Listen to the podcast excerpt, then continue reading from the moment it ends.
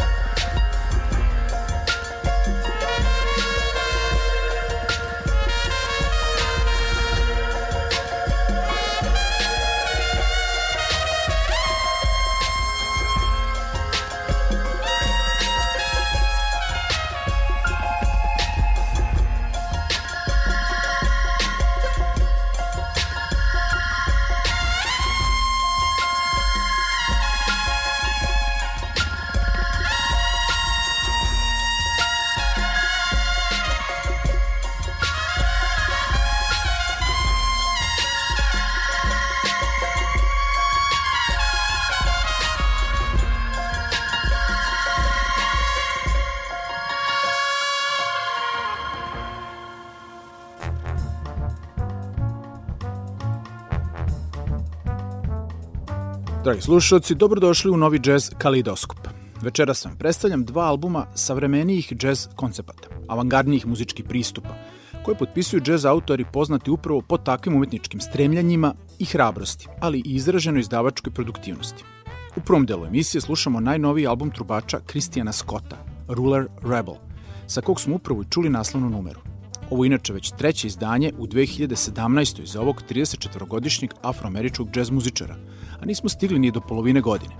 Prvi album je objavio 2002. ali je zato u poslednjih godinu i po dana već izdao pet, čime je znatno popravio svoj prosek i doveo ga do jednog albuma po godini, od kada je počeo da se profesionalno bavi sviranjem. Ako vam kažem da je svako njegovo izdanje zaista drugačije u odnosu na prethodno i da su u pitanju prava originalna autorska ostvarenja koje i kritika i publika uvek željno očekuju, onda su ove brojke koje govore o njegovoj kreativnosti i produktivnosti zaista impozantne. S albuma Ruler Rebel, na kome se Christian Scott Atunde Adjua, kako glasi njegovo puno ime, okreće dosta elektronici, slušamo autorske numere. New Orleans Love Song 1, New Orleanian Love Song 2, Phases, u kojoj gostuje pevačica Sara Elizabeth Charles, i za kraj prvog dela emisije Encrypton sa gošćom Elenom Pinderhughes na flauti. Christian Scott i album Ruler Rebel.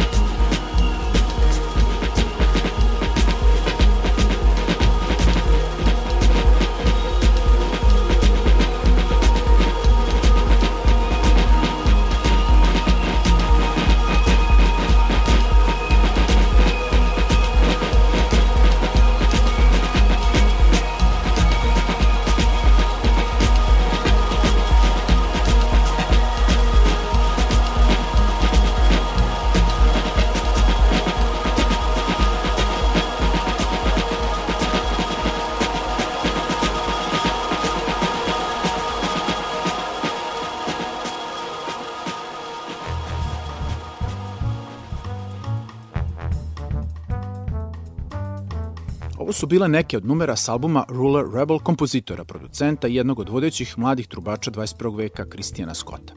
Spomenut ćemo još muzičare koji su mu pomogli u realizaciji ovog izdanja, a to su Lawrence Fields, klavir Fender Rhodes, basisti Luke Curtis, Chris Funn i Joshua Crumbley, gitarista Cliff Hines, za bubnjevima Corey Fonville, afrički bubnjevi Joe Dyson Jr., djembe, bata i konge Weedy Brajma, afričke udaraljke Chief Shaka Shaka, flauta Elena Pinderhughes, specijalna gošća pevačica Sara Elizabeth Charles i naravno Christian Scotta Tunde Adjua, truba, sirena, obrnuta fliglehorna i razni elektronski uređaj.